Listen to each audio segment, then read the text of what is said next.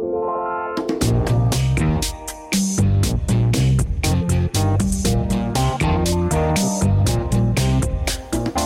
det som er bra for helsa vår, også bra for kloden? Går sunt kosthold og å ta vare på klimaet hånd i hånd, snakker vi her om tidenes vinn-vinn. Denne utgaven av Folkehelsepodden skal handle om klima, miljø og kosthold. Med oss her i studio så har vi fått med oss Ågot Okra, som er vår nye områdedirektør for klima og miljø. Og Helle Margrethe Meltzer, kostholdsforsker fra FHI med 40 års erfaring med å forske på hva vi har på tallerken og i magen. Hun har jobba mye med tematikken mat, helse, miljø og klima. Og bak spørsmålsarket sitter jeg, Torunn Gjerrustad.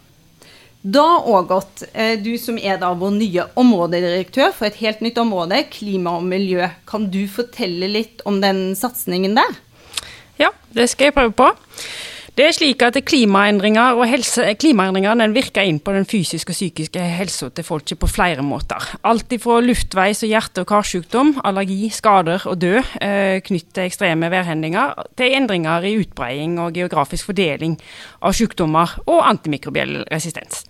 Folkehelseinstituttet har en faglig bredde som er veldig godt eh, utgangspunkt for en innsats som går på tvers av sektorer. Og vi ser nå for oss at vi skal utvikle ny kunnskap om årsaker, risiko, helseeffekter og tiltak som tar da utgangspunkt i den metodekompetansen, den infrastrukturen og alle de, alle de, eh, den store kompetansen vi har eh, i instituttet.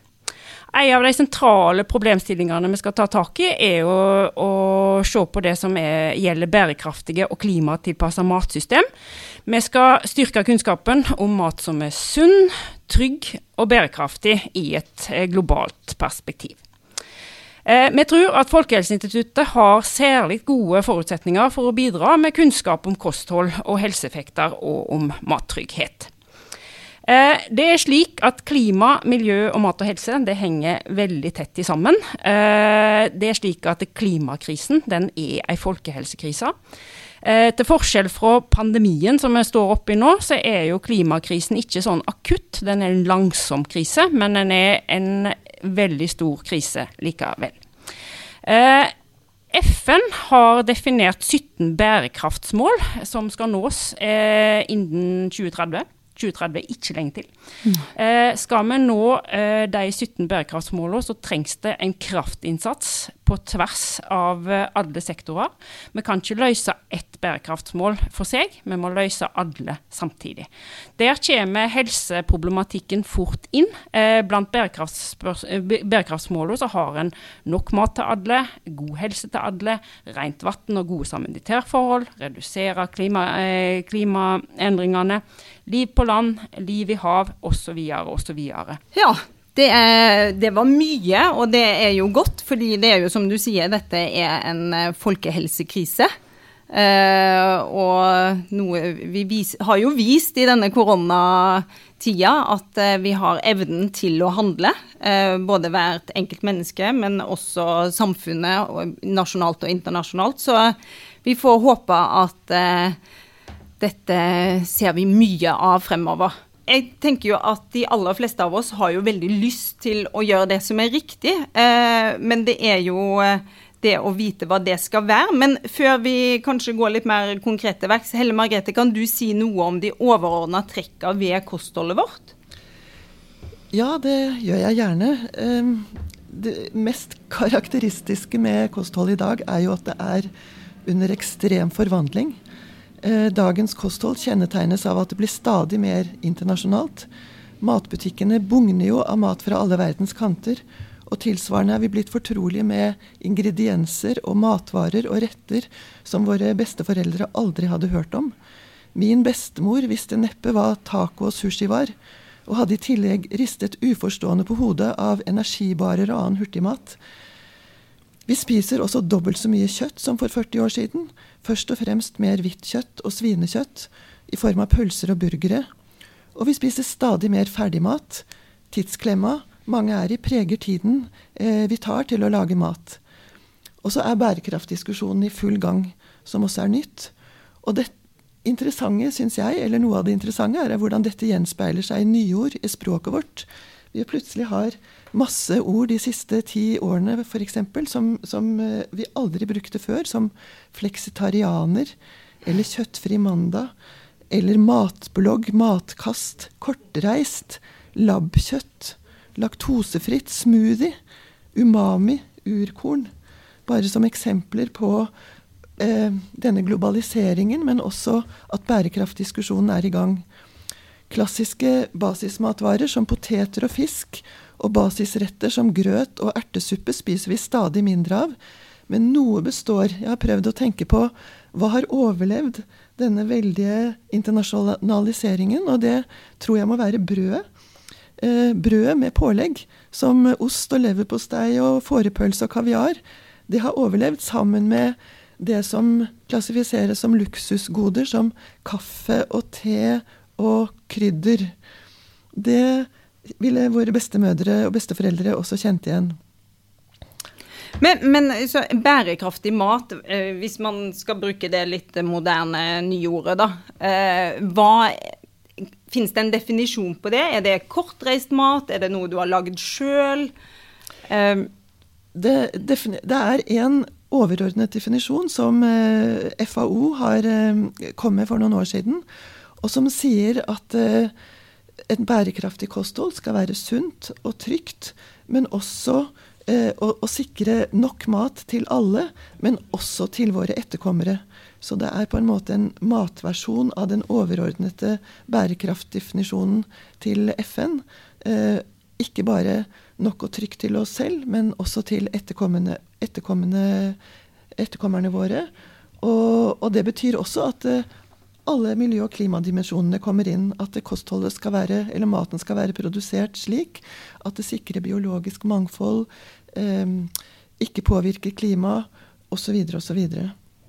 Mm. Så bærekraftig mat skal være sunt både for kroppen og kloden? Helt riktig. Mm. Men det er altså veldig overordnet. Og så handler det om hva betyr dette for Norge og for deg og meg? Går det an å og, og konkretisere det mer ned på, på, på lands- og, og område- og personnivå. Og da kommer jo diskusjonene for fullt. For dette, det har vi ikke avklart. Så, eh, så, det som er bærekraftig mat i Norge, kan være noe annet enn det som er bærekraftig mat i Thailand? Ja, det kan det. Rett og mm. slett fordi at det, det handler jo om å utnytte ressursgrunnlaget der hvor vi bor. Og ressursgrunnlaget vårt er Eh, helt annerledes enn eh, i varmere strøk. I Norge har vi jo veldig lite eh, jordbruksland og marginale produksjonsbetingelser for veldig mange matvarer. Mens vi har veldig mye gress og utmark. Så skal vi utnytte ressursgrunnlaget vårt optimalt, så, så må vi ha, ha, dyr her som kan uh, gjøre det magiske og omvandle gress og, og kvist og, og kvast til, til, menneskemat i form av kjøtt og melk. Og da, eh, da, ulmer det jo en liten en ny diskusjon med liksom rødt kjøtt, som gjerne er de som beiter på det. Men før vi tar en liten runde på det, så lurer jeg på òg godt, fordi det er et prosjekt som heter New Tools, som skal definere hva som er bærekraftig mat. Er det det? Kan du fortelle litt om det? Ja, New Tools det er et prosjekt som starta opp nå i høst, med finansiering fra Norges forskningsråd og med Folkehelseinstituttet som prosjektleder. Helle Margrethe er hjernen bak mye av prosjektet. Eh, det er et fireårig prosjekt med mm, fem forskjellige forskningspartnere som, eh, som deltar, og en rekke rekke eh, aktører som, eh, som, utgjør store deler av matsystemet, matproduksjonssystemet i Norge. Eh, poenget med New Tools er å prøve å utvikle skåringssystem for matvarer, som sier noen ting om matens ernæringsmessige kvalitet, men også den miljømessige sida ved, ved, maten, altså bærekraftsperspektivet. da. Så, så, vi har store forventninger til at New Tools skal komme opp med eh, ja, virkelig nye verktøy for å måle bærekraften i, i kostholdet vårt. Eh, det finnes flere merkingssystemer både nasjonalt og internasjonalt allerede, men da kommer vi inn på det med altså, hva som er bærekraftig her, er da ikke alltid det som er bærekraftig andre steder i, i, verden.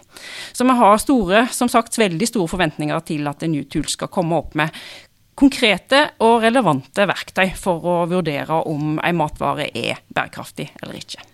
Så da, når jeg da går i butikken, så skal jeg Det får sikkert en fancy logo og et eller annet sånn, så skal man kunne se Ja, denne skårer så høyt på mm. de forskjellige parameterne, da. Ja, det er målet. Å hjelpe folk å ta bærekraftige valg i ja. kostholdet, det er jo et overordna mål for, for prosjektet. Mm. Og Samtidig så ser vi for oss at det, det kan brukes i mange andre sammenhenger også. Ikke minst for produktutvikling. Det kan brukes til å måle eh, profilen på det som serveres i offentlig regi av mat rundt omkring. Det kan brukes til evaluering av tiltak osv. osv. Så, videre, og så, så vi ser nytteeffekt av, av en sånn scoring eh, i veldig mange sammenhenger. Det høres jo helt fantastisk ut, men når kan vi forvente å se det her, da? Og bruke ja. det som eh, et ja. verktøy? Vi har et fireårig prosjekt. Jeg tror vi trenger kanskje lengre tid, men eh, da får vi gjort masse, iallfall. Og vi har jo da fått gjort en ganske stor kartlegging av hva vi kan gjøre. Og så er det altså det er også en forutsetning at vi greier å samarbeide godt med mm. hele matsystemet. Og matsystemet, det er svært. Det har vi kartlagt, Helle Margrethe, i samarbeid med flere andre i det som heter Matdugnaden for noen år siden. Mm. Da ble det utarbeidet et kart som er på utskrift, for å kunne lese det sånn noenlunde, så er det fire meter langt, det kartet. Så det er, matsystemet er enormt komplisert, og det er også noe som New Tools må ta inn over mm. seg. Og det gjør at det prosjektet er Det trenger mye folk og mye finansiering og tid. Ja. Og så vil jeg legge til at uh, en motivasjon for å drive dette prosjektet er jo at uh, et tilsvarende tog går jo i EU nå. Uh, beskrevet i dokumentet som heter 'Farm to Fork'. Så, så, alle vet at dette kommer uansett hva Norge gjør. Eh, en hovedmotivasjon for å drive fram prosjektet er jo at Norge skal ha en stemme og kunne være en dialogpartner mot det som skjer i EU. Ja. Men det må jo være kjempeviktig å få dette egentlig på plass i god tid før 2030, da. Som ja. er en første sånn der Nå, hvor er vi hen? Kan du si. Ja. ja. Så 2030, det er, det er ni år til. Åtte-ni ja. år til. Så ja. Men forklarer det, Helle Margrethe. Du klarer det. Ja. Tror det. Ja, ja, for jeg, jeg, nevnte det i stad, men jeg tror jo virkelig det at det er utrolig mange som har lyst til å gjøre det riktig, mm. eh, men trenger da Ja, man er bekymra for eh, er det bare er økologisk mat, eller er det som liksom skal være bedre, er det bare dyrere, eller er det faktisk også veldig mye bedre for eh, oss og kloden? Ja, der kan jeg godt si at eh, du hadde helt rett i introduksjonen din. Det er en vinn-vinn-situasjon. Eh, på de aller fleste områder at det som er sunt for kroppen, er også sunt for kloden. Det beste for, eh, for planeten. Ehm, det er noen unntak, selvfølgelig, men, men eh, kunne, kunne, den norske befolkningen spist mer i tråd med de offisielle kostrådene, som jo oppmuntrer til rikelig med frukt og grønt, og grovt, og sunt fett, og, og fisk, og, og mer beskjedent med kjøtt enn det vi spiser i dag, så vil vi også eh, være med på dugnaden for, for kloden vår. Det er, det er, som sagt stort overlapp mellom det som er sunt for enkeltindividet og for, for, uh, for verden. Og Vi kan jo også si at de norske kostrådene er nokså nære et bærekraftig kosthold. Ja. Eh, og nå blir det jo gjort et stort arbeid på å utarbeide nye nordiske kost kostråd, der også bærekraft skal være en, et sentralt element. Mm. Helle Margrethe er tungt inne i det arbeidet ja. også. ja. Det høres betryggende ut. Så eh, kanskje, kanskje det er ok at jeg prøver å konkretisere det ned på en ukesmeny. Ja. Eh, hvis det er ok. fordi at jeg tenker at selv om dette ikke er Det, skal, det jeg sier nå, er ikke noe offisielt eh, kostråd, men, men, det er for å kunne følge det, følge det, opp når man sitter der og planlegger uka si. Så, så kan en, en, grei måte å, å planlegge middagene, som jo er de som mange syns er den største utfordringen når det gjelder å spise mer bærekraftig. Middagene kan, kan disponeres slik at man har to dager med kjøtt i uka. Én dag med hvitt kjøtt og én dag med rødt kjøtt. To dager med fisk. Én med hvit fisk og én med rød fisk. Eh, to dager med vegetarisk. F.eks. ertesuppe og pannekaker én dag. og en eller annen variant av risotto den andre dagen, f.eks. bigotto. Og så den siste dagen er restedag. Så man spiser opp det man ikke har klart tidligere i uka. Og du verden så mye gode rester man kan pakke inn i en pannekake eller drysse oppå en pastarett f.eks. Så det som, som, utgangspunkt for en ukemeny vil man tatt et sjumilssteg i retning av å spise mer bærekraftig. Den, den, må vi oppsummere helt på slutten nå. Den var, var fin. Litt sånn dansk. Rødt, hvitt, rødt. Ja. Um, men da må vi jo snakke litt mer om dette med rødt kjøtt. Fordi det er jo blitt en litt sånn stempla som en versting. Uh, og du var litt inne på det, Helle Margrethe, med at man må utnytte de ressursene man har i det landet man bor. Og en av de ressursene vi har, er jo grisgrendte strøk, uh, som ikke egner seg for uh, avokadodyrking og andre fristende grønnsaker alltid. Og da går jo kua der. Er det da Er det å spise en norsk biff OK, eller er det fy-fy? Det er verken.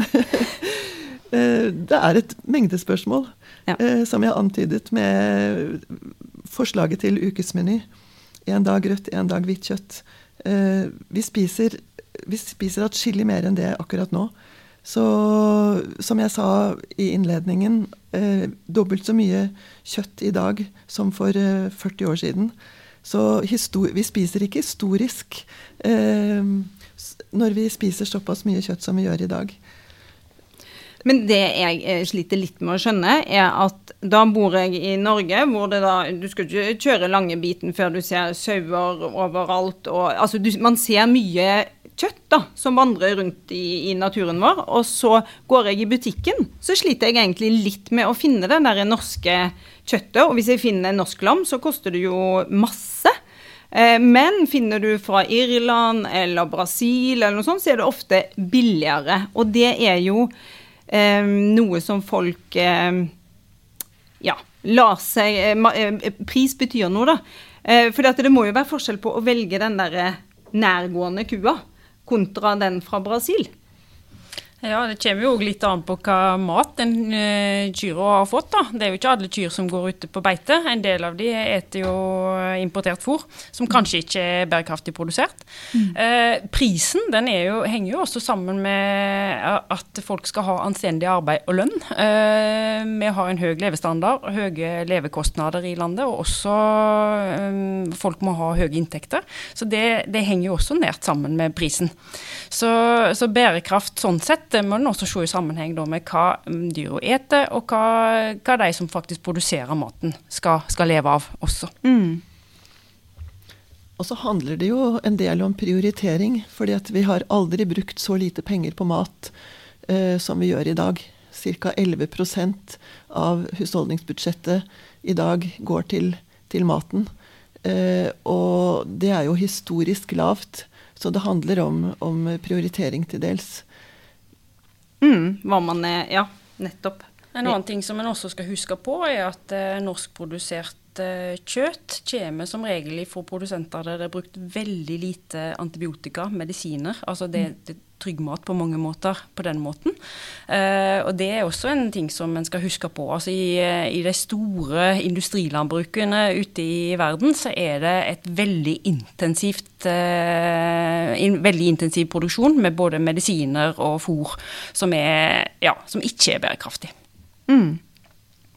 For det med antibiotikaresistens, f.eks. antimikrobiell resistens, er jo også en av de store problemstillingene i folke, ja. folkehelsesammenheng. Absolutt. Norge ligger jo lavest i Europa på antibiotikabruk til dyr. Så det kan vi være stolte av. Så vi bør egentlig da, når vi velger kjøtt, da, eh, den ene røde, røde kjøttdagen i uka, eh, da tenke at ja, ok, så kan det være den koster litt mer, men man får et bra produkt. Man betaler en lønn som folk kan leve av, eh, og det er kortreist. Og da er det ikke så gærent men man trenger ikke å ha den sju, sju ganger i uka. Helt enig. Samme her. Helt enig. Eh, vi tok jo og hadde story på Instagram og Facebook, eh, og fikk jo inn masse Mange som var engasjert i dette temaet, eh, kosthold, miljø og klima. Og da spurte vi jo om hva folk trodde betydde mest for klimaet. Og da var alternativene at maten er kortreist, at vi ikke kaster maten, og at vi spiser mindre rødt kjøtt. Eh, og den som 54 eh, hadde trykka på, det var at vi ikke kaster mat. Eh, og de to andre fordelte seg på 24 og 22% så det, det der matsvinn, det er jo litt interessant. For det er jo noe som er veldig konkret, som alle kan gjøre. Helt riktig. Og, og det er veldig forståelig at flest har eh, krysset av for det som det viktigste tiltaket. Det er et kjempeviktig tiltak. Det er jo forskrekkelig høye tall på hvor mye mat vi kaster i løpet av et år. Eh, I alle verdens land, men eh, ikke minst her i rike, rike Norge. Så vi har mye å vinne på å, å ikke å, å, å, lage matplaner for uka. Ikke kjøpe mer enn nødvendig. Og, og ta vare på rester og, og kaste atskillig mindre enn vi gjør. Mm. Det er et veldig viktig tiltak, og det er ikke bare med tanke på den enkelte eh, husholdningen, altså at en eh, bruker opp den maten som er, men altså kjøper vi ikke mer enn det vi trenger, så reduserer vi også behov for transport. Ja. Så det er en logistikksammenheng her også som er veldig viktig. Og så er det, altså i verden sånn generelt, så er det nå 800 millioner folk som svelter. Mm. Og antallet personer som svelter i verden, den har vel faktisk økt de siste åra. De siste 50 åra så har de redusert svulten masse, men de siste ti år, vel, så har, det, har eh, tendensen vært til at det er flere som svelter igjen. Og det har økt under pandemien? Økt under pandemien, ja. Mm. Mm. Svikt i forsyningslinjer, så det er en veldig alvorlig situasjon. Så jeg vi kan godt svare på, på følge opp de svarene. Det er kanskje tre ting som er viktigst når man skal spise mer bærekraftig. Det ene er dette vi allerede har snakket om, med mindre matkast. Men eh, det ligger mellom linjene i det vi har sagt også. Ikke overspise. Mm. Spise passelig. Eh, og så er jeg mer opptatt av hva vi skal spise mer av, enn det vi skal spise mindre av. Eh, mer grønt og grovt. Ha det i bakhodet i alle matkjøp og i hva vi serverer, så, så er vi allerede på veldig god vei. God, grov pasta, grove, brød, grove brødsorter, eh, rikelig med grønne, eh, fargerike grønnsaker, men gjerne også de norske eh, rotgrønnsakene, som har en fantastisk kvalitet. Og så kommer det mye eh, spennende norske eh, Altså, vi kan dyrke mer, mer og større utvalg grønnsaker nå i Norge enn en tidligere. bare på grunn, Det kan vi jo for så vidt takke klimaendringene for. Da. Det er lengre vekstsesong. Eh, og det er varmere. Så plutselig kan vi dyrke ting vi ikke drømte om tidligere. Og vær, så vær nysgjerrig på nye, spennende norskproduserte grønnsaker og, og, frukt. For det kommer mer og mer av. Mm. Absolutt. Og så fikk vi jo inn i tillegg til eh, Vi spurte jo også om hva, hva folk legger mest vekt på i kostholdet sitt. Eh, og da var det jo ikke sånn soleklart sånn som på hva man tror betyr mest for klimaet. Det fordelte seg litt jevnere, for da var det jo smak og hva jeg liker. Det var det de fleste, eh, 39% syns var det viktigste når de skulle bestemme hva de skulle spise. Eh, og på en god andreplass eh, så kom det som er sunt for meg og min kropp. Eh, og så, eh, på tredjeplass, så kom dette med hva maten koster. Eh, men da syns jeg jo det der poenget ditt, Helle Margrethe, om at Uh, var det 11% du sa vi bruker mm. av inntekten vår på mat? For det, det, det, er jo så utrolig mye avisoverskrifter. Maten er dyr, og i Norge så er det så mye dyrere enn i Sverige. Så vi reiser jo over dit for å kjøpe billigere mat. Men det er jo ofte de usunne matvarene som kanskje er billigere. Uh, og det å være villig til å faktisk bruke litt av de pengene man tjener på mat. Litt mindre fin bil, og litt mer inn i husholdningsbudsjettet. Men det er helt riktig at, uh, at uh, det koster litt mer å spise supersunt enn å spise leve på, på loff og pasta eh, og, og, mye av den usunne maten. Så det handler om prioriteringer for, mm. for de aller fleste. Og da er det jo forskjell også på den der kortsiktig og langsiktig. Du mm, hadde noen tanker ja. om det òg godt? Ja, det er jo slik at Investerer du i et sunt kosthold, så reduserer du også risikoen for å bli syk. Hjerte-karsykdom, kreft. Veldig mange sykdommer som vi vet henger tett sammen med, med, dårlig kosthold. Så på lang sikt, i et uh, livsløpsperspektiv, så er dyr mat, uh, eller mat som ser dyr ut, kanskje ikke så dyr likevel. Nei, sant. Og så husker jeg du har sagt en gang, Helle Margrethe, at eh, man må tenke på det man spiser som byggesteiner for eh, ens egen kropp. Mm. At eh, putter man i seg mye drit, da, hvis man skal si det rett ut, kontra mye med næring mm. og ting som er bra for en, så får man litt eh, Det er litt payback for de fleste. Ja, altså å spise er jo det mest intime vi gjør. Fordi det vi putter i munnen, blir jo oss. Eh, maten brytes ned i mage og tarm og, og suges opp og omstokkes og blir til hver eneste celle og, og, stoff i kroppen. Så vi kan ikke gjøre noe mer intimt enn å spise. At vi, altså, så det, at vi blir, vi blir det vi spiser, mm. det er biokjemisk og fysiologisk helt riktig å si. Mm. Og da må vi betrakte det som et uh, palass eller slott, spør du meg, som vi vil ha så fint som mulig, og så sunt som mulig, og så rent som mulig. Og da, da med, med, en sånn filosofi, så, så bør vi spise så, så, sunt og bra som mulig. Oh, det hørtes vakkert ut. mm. eh, og med det så lurer jeg på om vi er litt med veis ende her for denne gang. Jeg føler vi absolutt kommer til å snakke om klima og miljø igjen.